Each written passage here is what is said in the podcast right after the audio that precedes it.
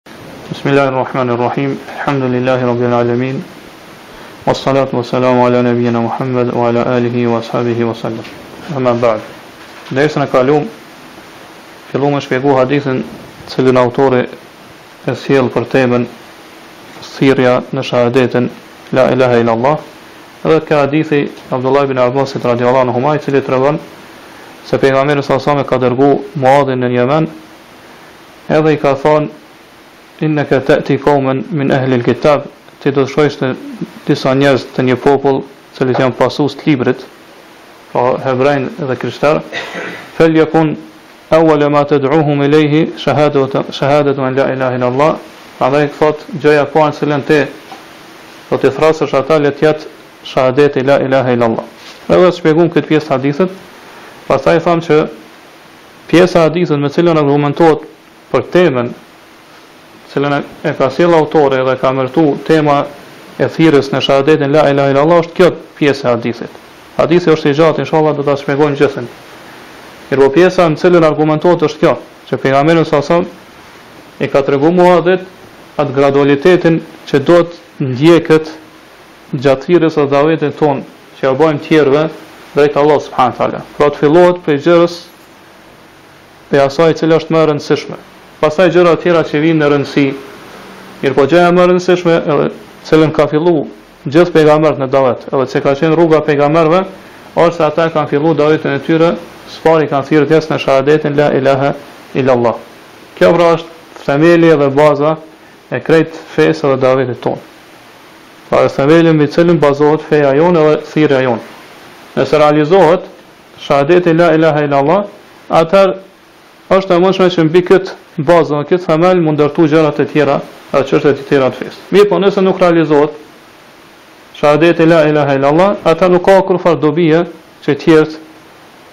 Do thotë njerëzit me praktiku apo me zbatu çështje dhe punë tjera, vepra tjera prej fesë. Prandaj nuk duhet që tjerët me urdhnu për namaz përderisa ata bojnë shirk Allahut subhanahu teala. Po me thirr dhe me fal namazin përderisa tek ta gjendet ende shirku. Gjithashtu nuk duhet që tjerët me urdhnu për agjërim, për sadaka, për zekat, për me i bajt lidhjet farefisnore e çështje tjera përderisa ata i bajnë shirk Allahut subhanahu teala në adhurimin e Tij. Për arsye se nëse veprojmë kështu, atëherë ne nuk e kemi vendos themelin, s'e kemi vendos bazën. Pra kjo është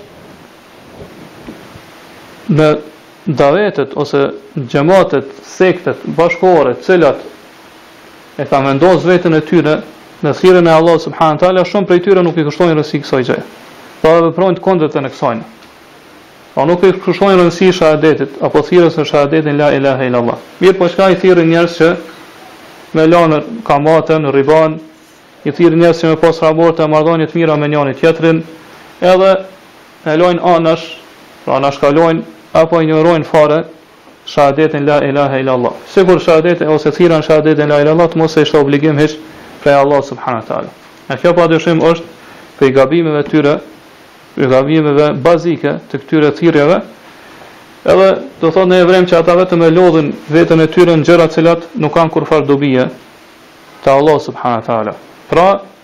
Ata nuk kanë mujt, s'kanë pas, s'kanë me mujt, pas mundësi me arrit qëllimin e tyre, pra me thirr në davetin, në në me bë davet në fjalën la ilahe illallah, ashtu siç na ka urdhëruar Allahu dhe pejgamberi i tij, derisa do thotë të vendosin së pari themelin, bazën e pastaj do thotë me ndërtu mbi këtë bazë. Gjitha çështje tjera dhe vepra tjera që janë prej fesë. Pra çdo gjë tjetër që është prej fesë ndërtohet mbi këtë. Pavarësisht a është ajo që siç e quajnë ata hakimije, pra me me gjyku me ligjet e Allahut subhanahu teala, apo namazi, apo zekati, haxhi e kështu me radhë, sjelljet ndër sjellje ose sjelljet marrëdhëniet e mira mes njerëzve,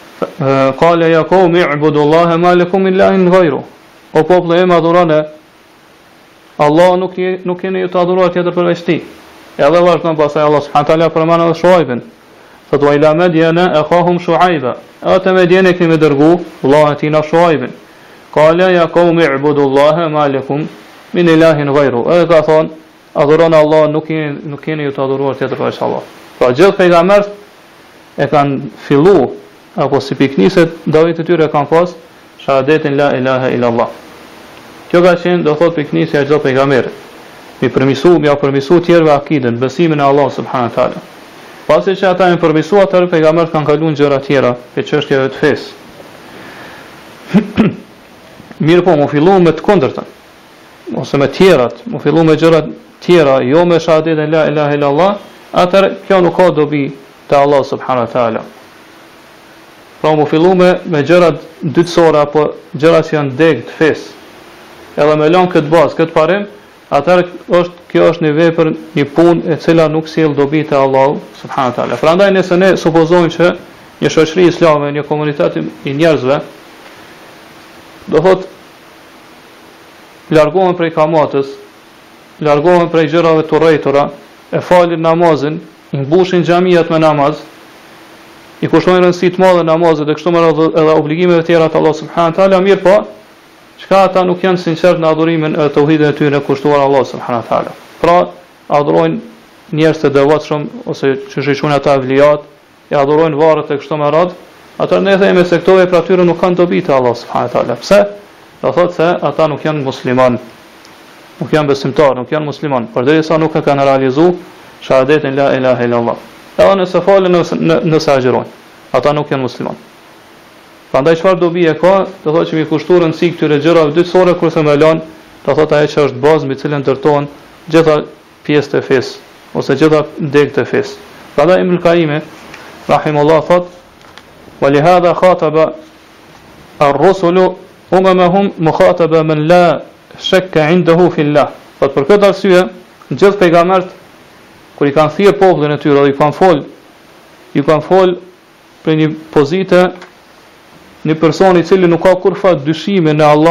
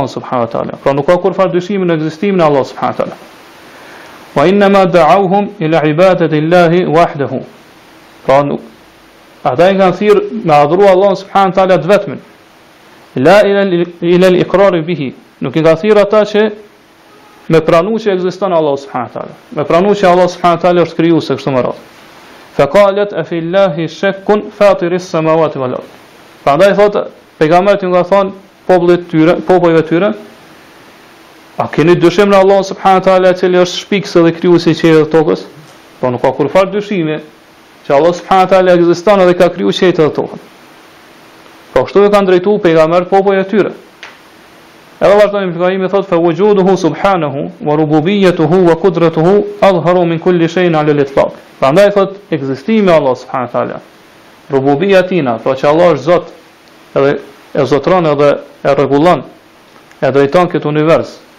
Edhe fuqia e Allahut subhanahu wa taala thotë është një çështje e dukshme, më e dukshme se çdo gjë tjetër në mënyrë absolute. Po nuk ka gjë më e dukshme për për për njeriu dhe do thotë për mendjen e njeriut se sa për mendjen e njeriut se sa ekzistimi i Allahut subhanahu wa taala. Prandaj thotë fa huwa adhharu lil basairi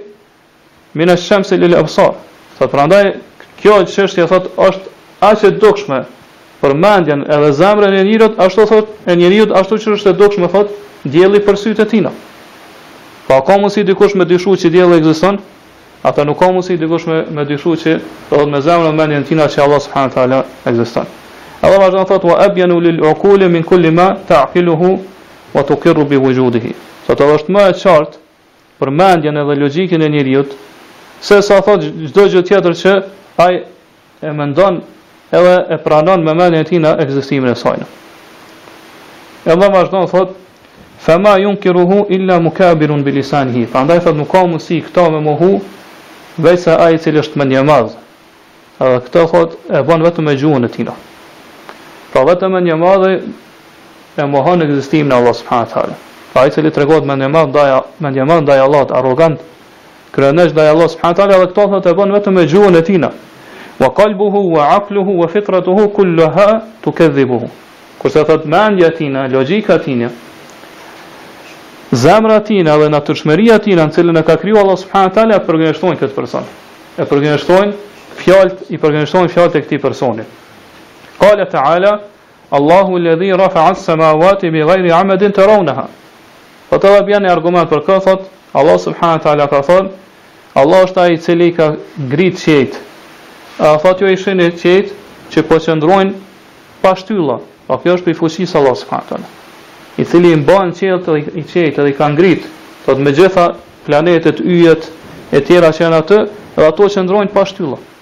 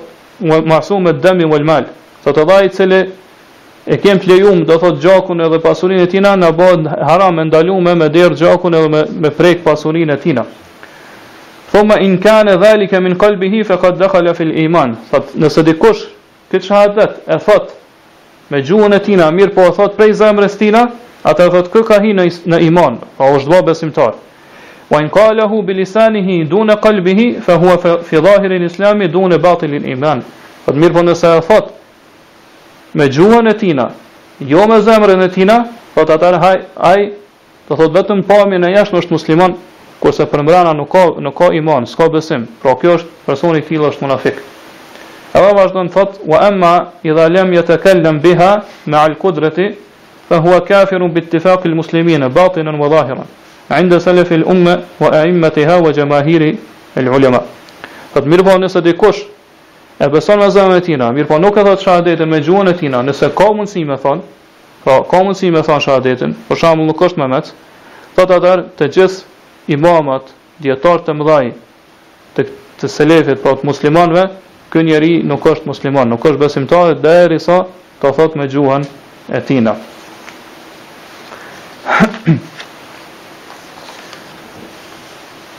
Pastaj nisur nga kjo, E kuptojmë se të gjitha thirrjet që i shohim sot prej xhemateve të ndryshme, që thrasin përmirësim, edhe të cilat nuk përqendrohen në tauhid, edhe nuk fillojnë me tauhid, pra nuk e kanë pikënisje davetin e tyre tauhidin. Do thotë këto thirrje devijojnë, kanë deviju po aq sa qëndrojnë larg këtij bazamenti themelor, pra tauhidit. Kjo është si puna e atyre që do thotë krejt jetën e tyre kanë shku e kanë çu duke u mundu m'i përmisu marrëdhëniet ndërnjerëzore.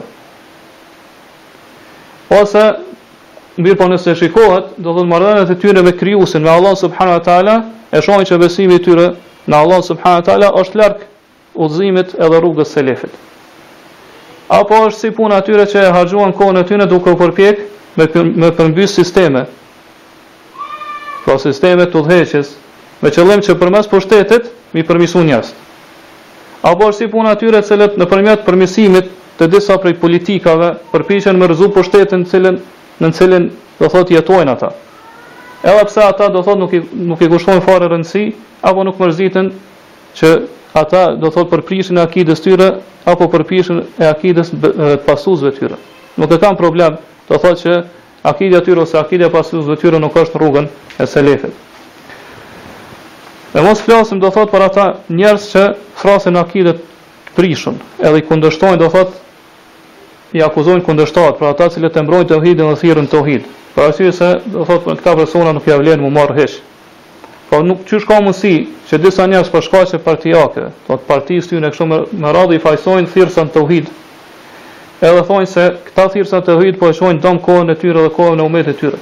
Në këtë kohë kur sipas tyre, sipas pretendimeve të tyre, armiqtë e Islamit, armiqtë e muslimanëve i kanë rrethu muslimanët në gjitha anët. Po kështu pretendojnë ata. Edhe i akuzojnë do thotë mbrojtësit e teuhidit që ata po e përçajnë umetin. Po duke mbrojtë teuhidin, i akuzojnë që ata po e përçajnë umetin. Edhe pse për ata nuk ka shumë rëndësi nëse ky umeti bashkohen edhe në adhurimin e idhujve.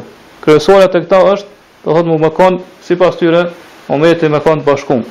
Kurse umeti nuk bashkohet në asgjë tjetër veçse në teuhidin e Allahut, subhanehu wa taala. Kjo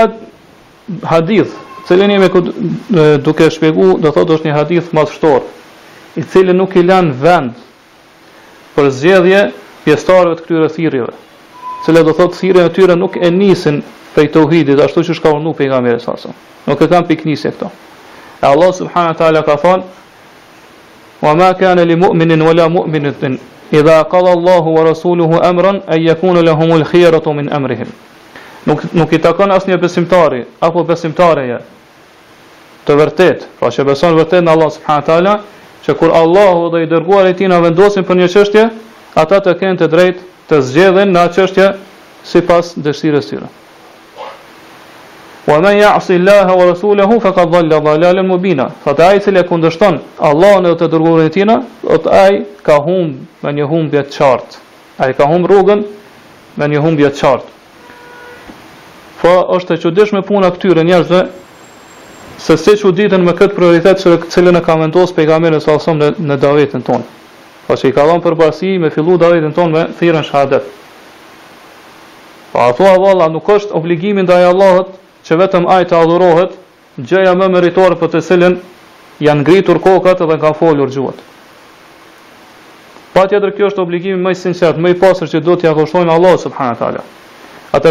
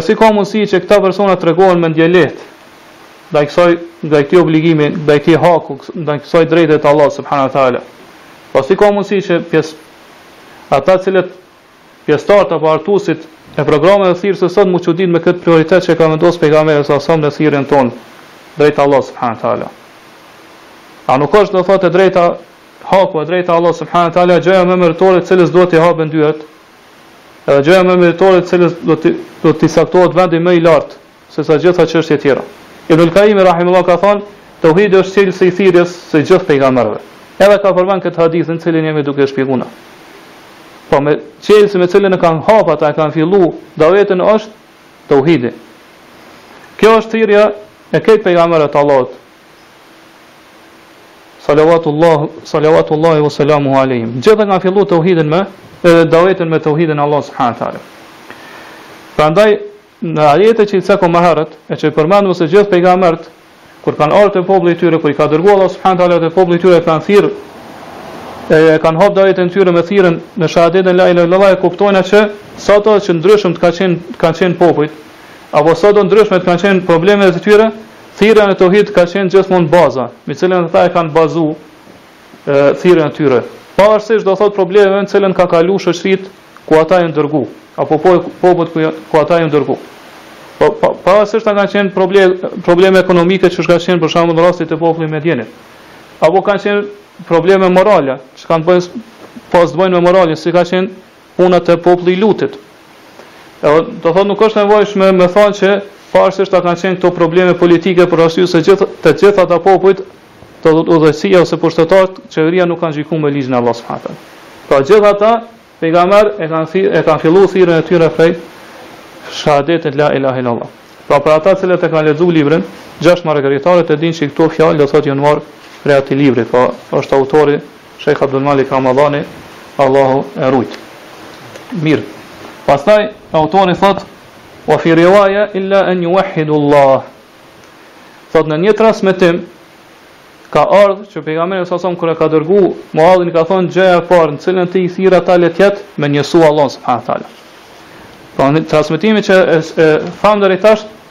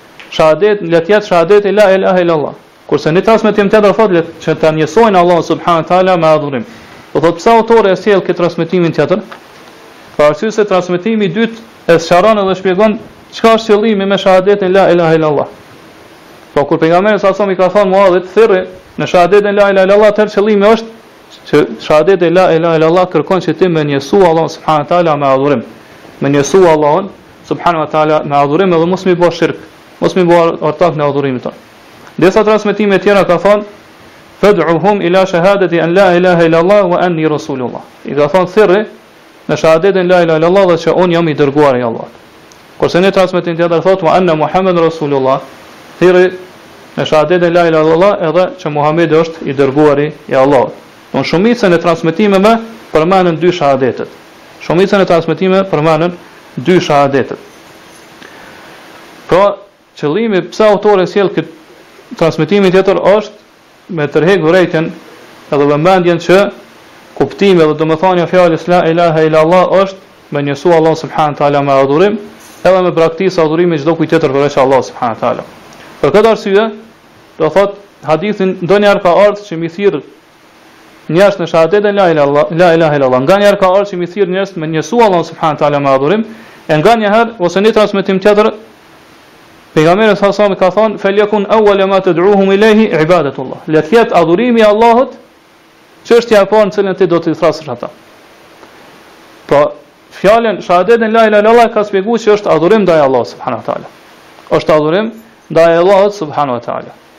Jo vetëm me thonë shahadetin si fjalë goje, mirëpo me me praktiku, me zbatu ato gjëra të cilat i kërkon kjo kjo fjalë. Edhe vazhdon hadithi kjo kjo kjo transmetim thotë fa idha arafu Allaha fa akhbirhum anna Allaha iftarada alehim khamsa salawat. Edhe vazhdon thotë nëse ata e njohin Allahun,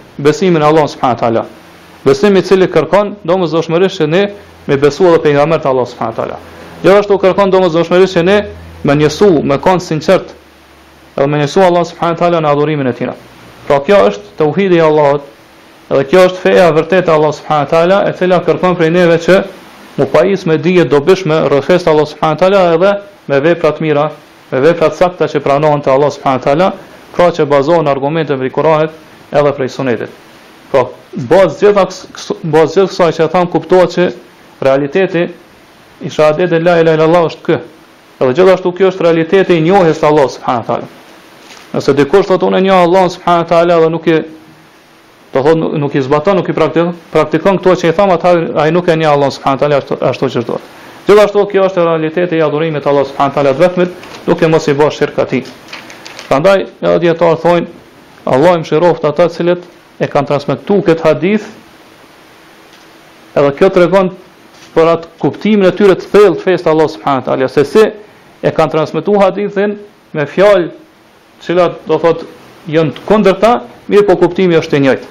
Me fjalë të ndryshme e kanë transmetuar hadithin, mirëpo kuptimi i gjitha këtyre transmetimeve është i njëjtë. Prandaj ata e kanë kuptuar që qëllimi me fjalën la ilaha illallah është që, që ti me pranu këtë fjalë Me pranu këtë fjalë, me ju bind kësaj fjale së pari me dijen tane. Pra me kuptu çka është çka është çka do të thonë fjala la ilaha illallah. Pastaj me me shqiptimin tan, me thonë me gjuhën tane edhe do thot me me pranu me ose me zbatu me veprat edhe me gjymtyrët e tua.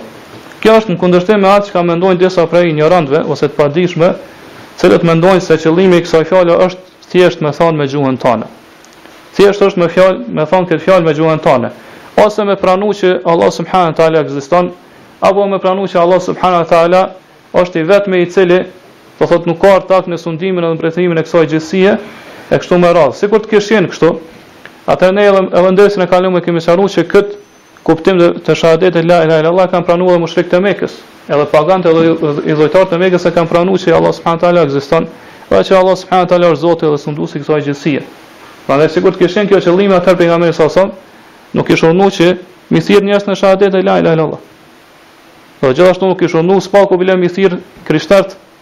Edhe jahuditë se ata gjithsesi e pranojnë këto këtë kuptim të fjalës la ilahe illallah. Mirëpo ky nuk është kuptimi i shahadetit la ilahe illallah, kjo është keqkuptim, cili do thotë rrjedh vetëm prej një injoranti apo ai i cili nuk e njeh fenë e Allahut subhanahu teala.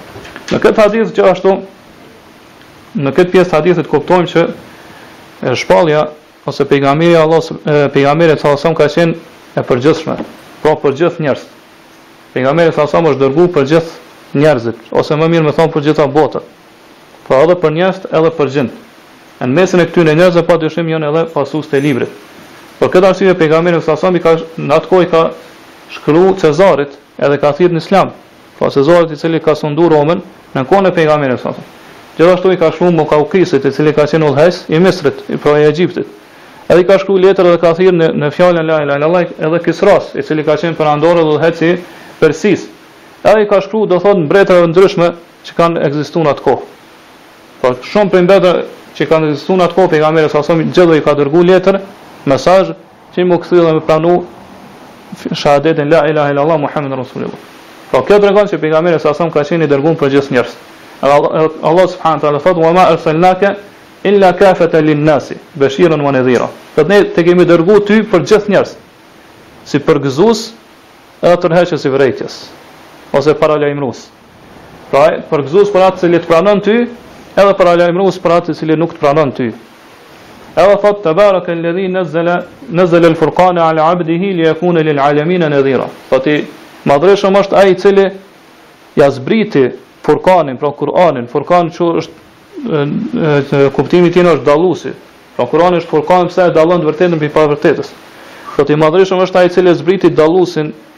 tek robi i Tij pra te Pejgamberi sa sa te Muhamedi sa sa që ky të jetë paralajmërues për gjithë gjitha botët pra për xhinët edhe për njerëzit. Gjithashtu në këtë hadith përfitojmë edhe disa prej dietarëve kanë argumentuar që nuk është kusht që m'u pranu islami dikujna, ose me qenë i saktë islami dikujna që aj, masi që të thotë shahadetin, me thanë me gjuhën e tina që është i pastër pi çdo feje që ekziston edhe me fillu mi përmen ato fe që ekzistojnë n'botë. Për arsye se thonë se vetë shqiptimi i fjalës La ilahe illallah pra vetë shqiptimi edhe besimi i fjalës La ilahe illallah tregon që ky njeri do thotë është i largum edhe i distancum prej feve tjera. Gjithashtu në këtë Prej këtina prej kësaj fjale kuptojna se ka prej një ose prej kësaj pjese të hadithit kuptojna se ka prej njerëz të cilët edhe pse lexojnë shumë, edhe pse janë të dijshëm.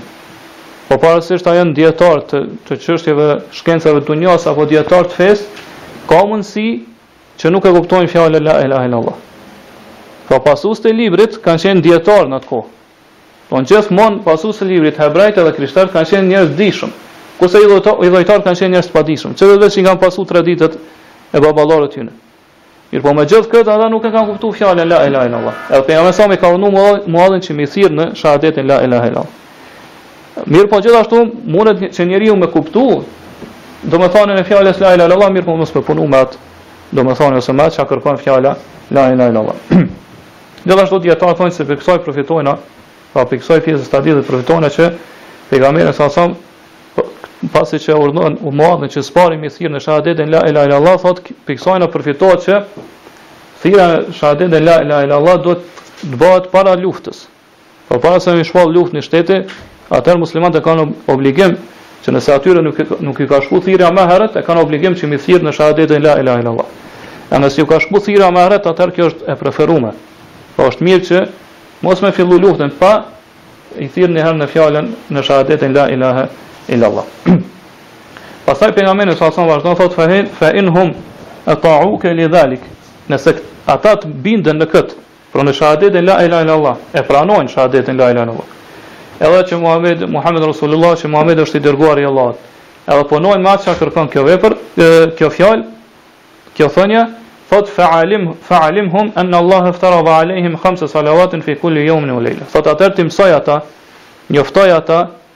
Banjau me dije, që Allahu ja ka ba obligim atyne pesë kohë të namazit gjatë ditës dhe natës. Pra gjatë njëzet e katër orëshit i kanë obligim mi fal pesë kohë të namazit. Kjo është pra shtylla e dytë. Mas shahadetit la ilaha illallah meniherë vjen shtylla e dytë e islamit e që është namazi. Pra ai i cili realizon shtyllën e parë, pra realizon tauhidin, edhe pranon shpalljen e pejgamberit sa son, pra pejgamberin pejgamberinë e tina, atëherë duhet me kalu në shtyllën e dytë, ajo është namazi.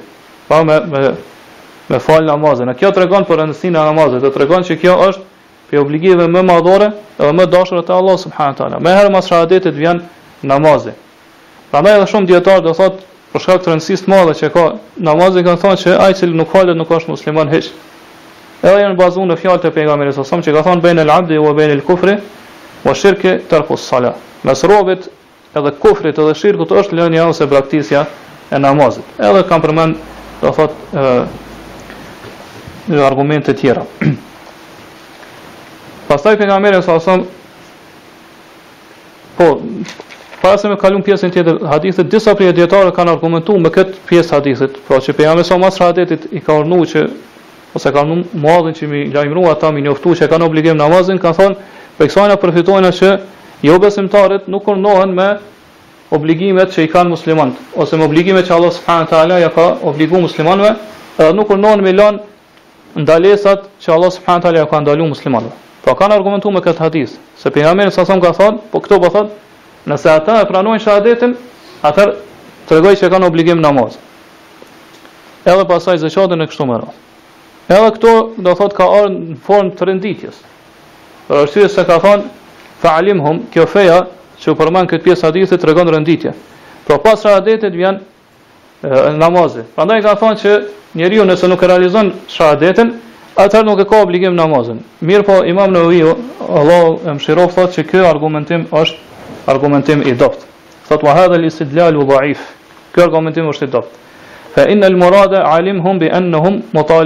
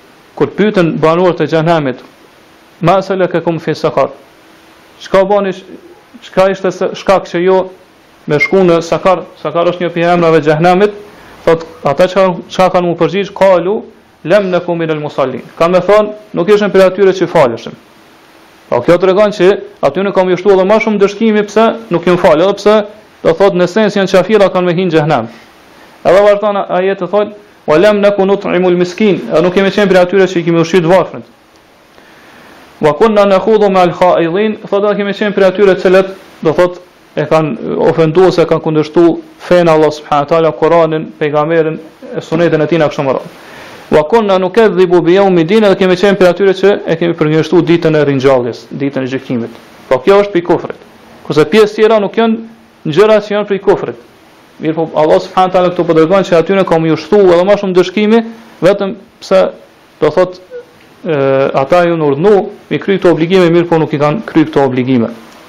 Edhe gjithashtu edhe, edhe ndalesat hynë këtu. Pastaj vazhdon ajeti thotë, fema tenfeuhum shefaatu shafiin, këtyne personave nuk ka me ju bë dobi ndërmjetësimi i gjithë ndërmjetësuesve te Allahu, subhanehu teala, pra nuk ka kurrfar ndërmjetësimi. Gjithashtu në këtë, prej këtij hadithi përfitojmë që namazi i vitrit nuk është farz, nuk është obligim.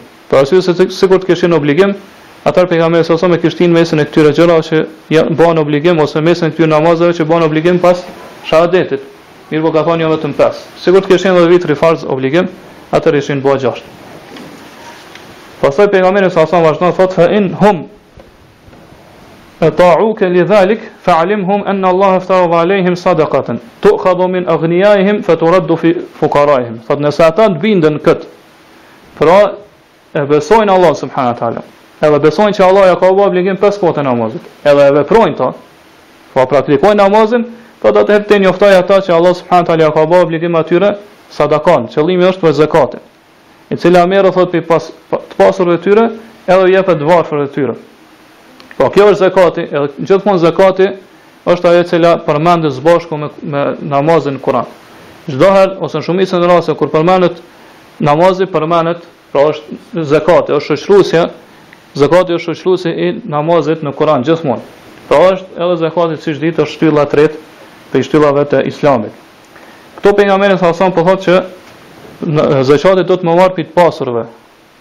Kjo tregon që zekati nuk është obligim për të varfrin, mirëpo është obligim për të pasurin i cili do thotë e posedon nisabin. Nisabin ajo është shuma e cila ty ta obligon do thotë me me dhon me nxjerr zakatin për atë shumë të pareve.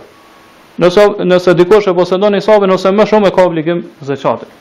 Edhe po thotë fe turaddu fi fi fukaraihim, kjo pasuri pastaj i jepet edhe kthehet te të varfrit e tyre.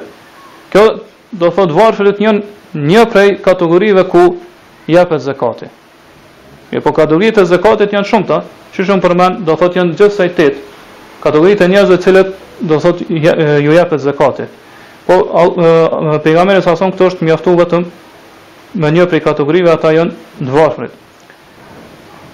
Atëherë Këtu lind pyetja pse pejgamberi a.s. i veçoi të varfrit nga gjitha kategoritë tjera të njerëzve të cilat të cilat lejohet ose duhet me ju dhënë zekat. Dijetarët kanë thënë që i ka përmend pejgamberi a.s. i ka i ka veçuar këtu të varfrit për arsye se do thot të varfrit janë ata të cilët më shumti u jepet zekati. Pra prej gjitha këto kategorive të varfrit janë ata të cilët më shumti i jepet zekati, ose do thotë që e drejta e të varfërve është më e fortë ose më e konfirmuar, pra ata meritojnë zekatin më shumë sesa të tjerët. Gjithashtu dijetarët me këtë hadith kanë argumentuar që zekati nuk i lejohet pasurit me marr zekatin. Pra i pasuri i cili ka obligim me nxjerr zakatin nuk i lejohet me marr zakatin. Për arsye se këtu pejgamberi a.s. i ka i ka caktuar dy grupe, të pasurit pa, ose të pasurit prej cilëve merret zakati edhe të varfrit të cilëve u jepet. Pra i cili ka nisab shumën në cilën nxirret zakati ose më shumë e ka obligim me dhënë zakatin, edhe ky i jepet varfrit. Po të pasurit nuk i lejohet me marr zakatin përveç në rastet kur përjashtohet. E këto janë rastet, këto kategori tjera që janë përmend në ajet. Po prej kategorive për shembull janë ata që luftojnë në rrugën e Allahut. Ai edhe nëse është i pasur ai e ka të lejuar me marr zakat. Ose ai i cili do thotë i ka humb pasuria gjatë udhëtimit. Pra edhe nëse është i pasur te shpia e tina, i jepet prej zakatit që me u kthy biletë deri te shpia e tina. E kështu me radhë. Pra vetëm në rastin kur përjashtohet, atëherë lejohet që i pasuri me marrë prej zekatit, përndryshe jo. Gjithashtu dietarët me këtë hadith kanë argumentuar që lejohet që pasurinë e zakatit, e cila mbledhet prej muslimanëve, me ia dhon vetëm një prej këtyre kategorive. Pra në këtë rast vetëm të varfërve. Edhe kjo ka qenë mendimi ose është medhhebi i Imam Ahmedit dhe Imam Malikut. Edhe kanë argumentuar pra me këtë hadith që pejgamberi alejhi selam është kufizuar vetëm te të varfërit. Kur flitet për të varfrit, këtu hyn se do thotë në arabisht janë dy shprehje ose dy grupe që janë përmend në ajet, ku Allahu subhanahu wa taala thotë inema sadakatu lil fukarai wal mesakin, Zekatet duhet t'u jepen fukarave dhe miskinëve. Mirëpo, do thotë në gjuhën arabe ose në Kur'an apo në Sunet kur përmenden dy shprehje të cilat janë të përafërta në kuptim, atëherë ato dallojnë, nëse përmenden brenda një konteksti, Atëherë kuptimi i tyre dallon. Në këtë rast fakir është ai i cili do thot nuk ka hiç pasuri që me cilën e kalon ditën e tij. Pra nuk ka hiç pasuri ushqim e kështu me radhë me cilën e kalon ditën e tij. Kurse miskini është ai i cili ka diçka mirëpo nuk i mjafton. Kështu që në këtë rast janë përmend brenda një konteksti, pra për me ia dhënë zekatin. Atëherë qëllimi është që zekati jepet edhe atyre që s'kanë hiç, po jepet edhe atyre që kanë mirëpo nuk ju nuk ju mjaftojnë. E kur këto dy shprehje përmenden ndame, atëherë secila e përfshin tjetrën. Kjo është rregull, është parim. Pra nëse përmendet vetëm fakiri, atëherë përfshin edhe miskinin. Nëse përmendet vetëm miskini, e përfshin edhe t'varfrin apo fakirin e kështu me radhë. Edhe do thotë në kësi raste ka shumë. Për shembull, Islami dhe imani kur përmenden bashkë, ose kur përmenden ndame e kështu me radhë. Gjithashtu prej këtij hadithi dijetarët kanë thënë që zekati nuk lejohet me i dhënë kafirit, përveç atij kafirit ose jo besimtarit që shpresohet që ai kthehet në Islam. Pra nëse jepet një pasuri prej zekatit atëherë ai është afër Islamit dhe nëse jepet diçka prej zekatit ai do thotë e pranon Islamin ose afrohet edhe më shumë kah Islami e kështu me. Gjithashtu dijetarët me këtë hadith kanë argumentuar që Zekati duhet m'u dhanë vetëm në vendin ku ekzistojnë të pasurit edhe të varfrit. Kështu ka thënë pejgamberi alejhi selam me ia marr pasurinë të pasurve të tyre, edhe me ia dhon të varfërve të tyre, pra brenda vendit, brenda një vendit ku jetojnë ata. Mirëpo nëse do thot ekziston një vend ku nuk ka nevojë me marr zakatin banorët ose të varfrit të atij vendi, atëherë lejohet që zakati mu transportu ose mu dhan në vendin fqinj e kështu me radhë.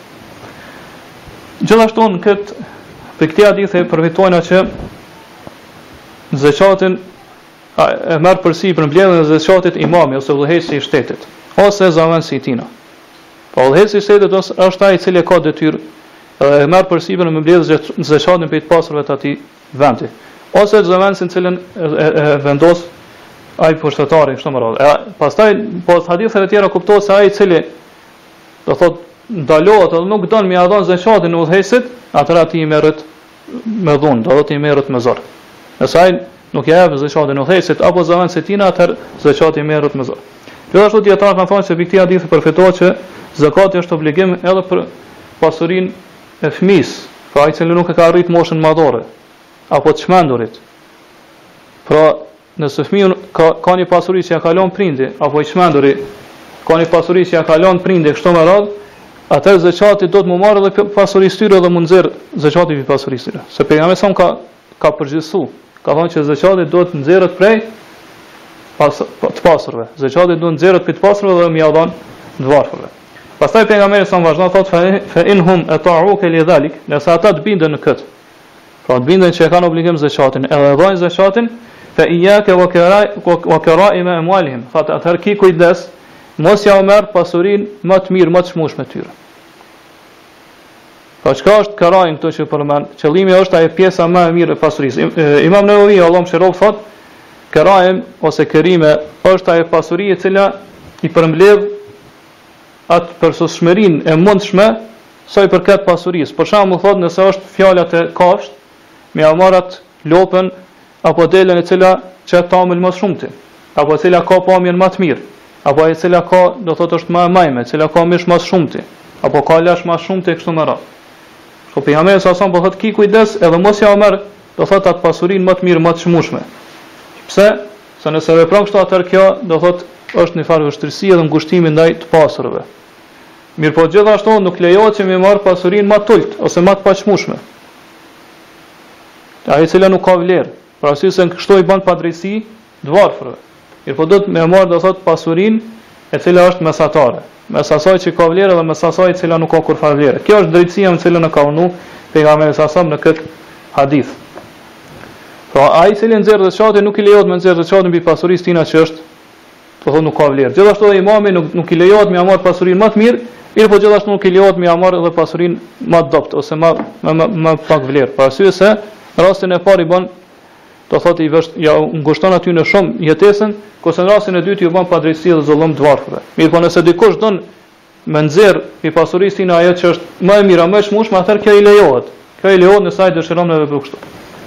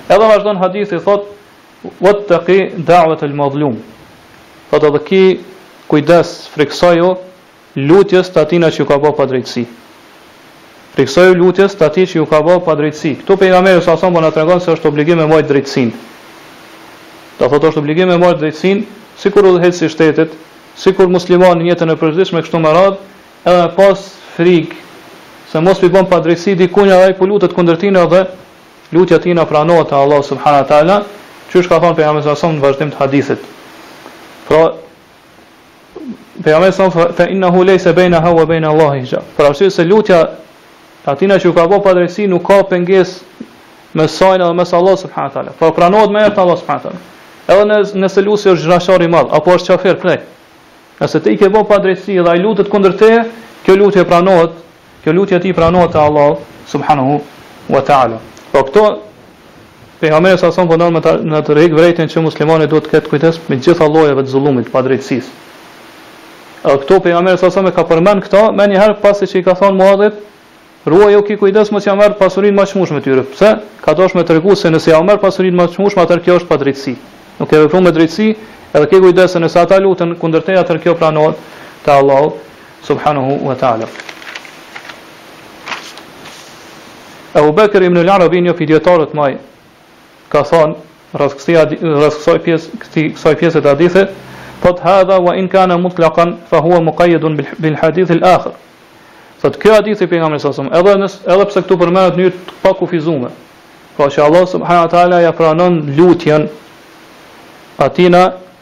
i cili ju ka bërë padrejtësi dhe lutet kundër atij zullumqarit.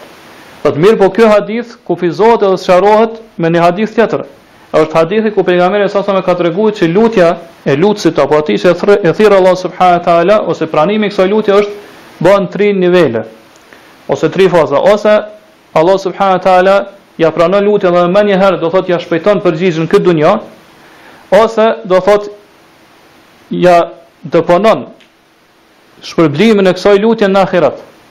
Pra që do të japë shpërblime të mëdha, pra, pasi që nuk i përgjigjet kësaj në këtë dunjë, nuk ia shpejton përgjigjen në këtë dunjë, Allah subhanahu teala përgatit për ta shpërblime të mëdha në ahiret. Ose siç ka thënë pejgamberi sa sa Allah subhanahu teala ia largon të keqe të ngjashme me këtë. Pra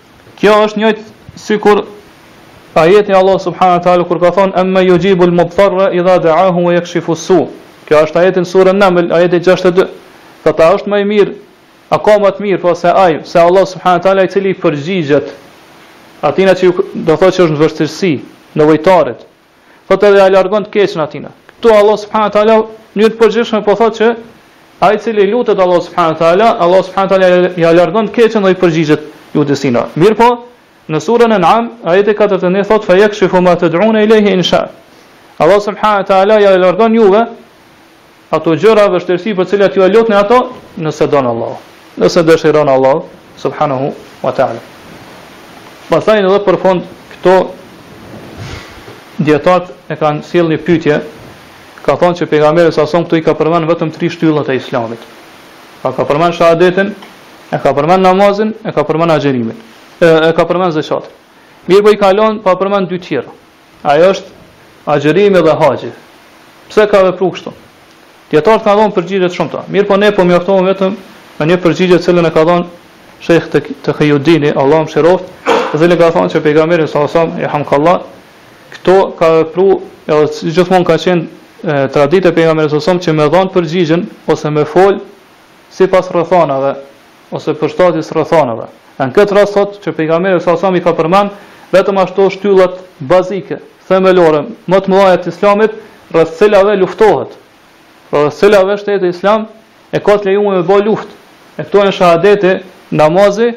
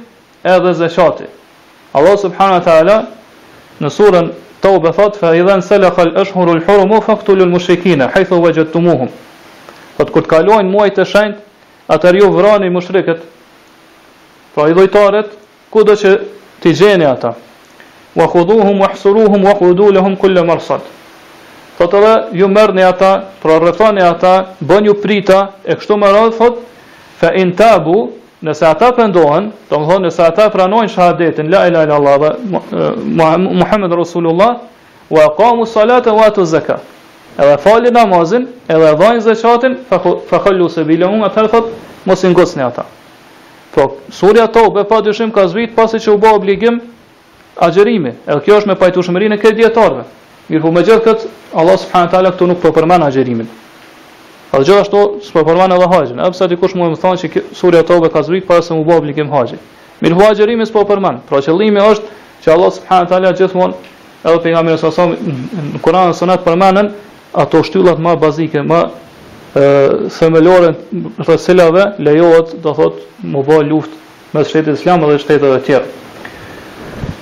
Kjo nga një aspekt. Aspekti tjetër është që këto shtylla të islamit janë shtylla të dukshme, pra që veprohen në mënyrë dukshme, që shihen prej tjerëve. Edhe njerëzit do thotë, i shohin ato dhe i dëgjojnë. Kurse sa i përket agjërimit, atëherë dihet që agjërimi është i fshehtë mes robit edhe mes Allahut subhanahu wa taala. Ka mundësi dikush me thonë që unë agjërushëm, mirëpo nuk është agjërushëm, rren. Pra agjërimi është i fshehtë. Kurse haxhi nuk është obligim për çdokënd. Pra haxhi është obligim vetëm për atë që ka mundësi me shku në haxh. Gjithashtu haxhi është obligim vetëm një herë gjatë jetës. Po kjo dallon prej shahadetit, sepse shahadetet ose dy shahadetet njeriu është obligim që do thot të, ta shoqërojnë gjatë gjithë jetës tina.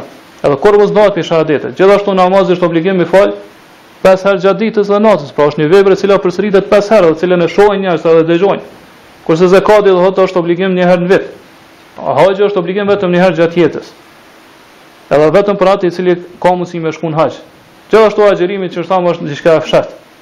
Dhe pra, gjithashtu dietar thonë ai i cili kujdeset për shahadetin ose do thot i rri gati kujdeset për këto dy shahadete realizimin e asaj që kërkojnë dy, këto dy shahadete e fal namazin edhe jep zakatin atëherë gjithsesi ky njeri do thot ka me u kujdes edhe për agjerimin edhe për haxhin prandaj kjo është përgjigja më adekuate që dietarët ia kanë dhënë këtij hadithi pse do thot pejgamberi sa nuk i ka nuk i ka përmend edhe dy kushte tjera të islamit edhe pse ka përgjigje tjera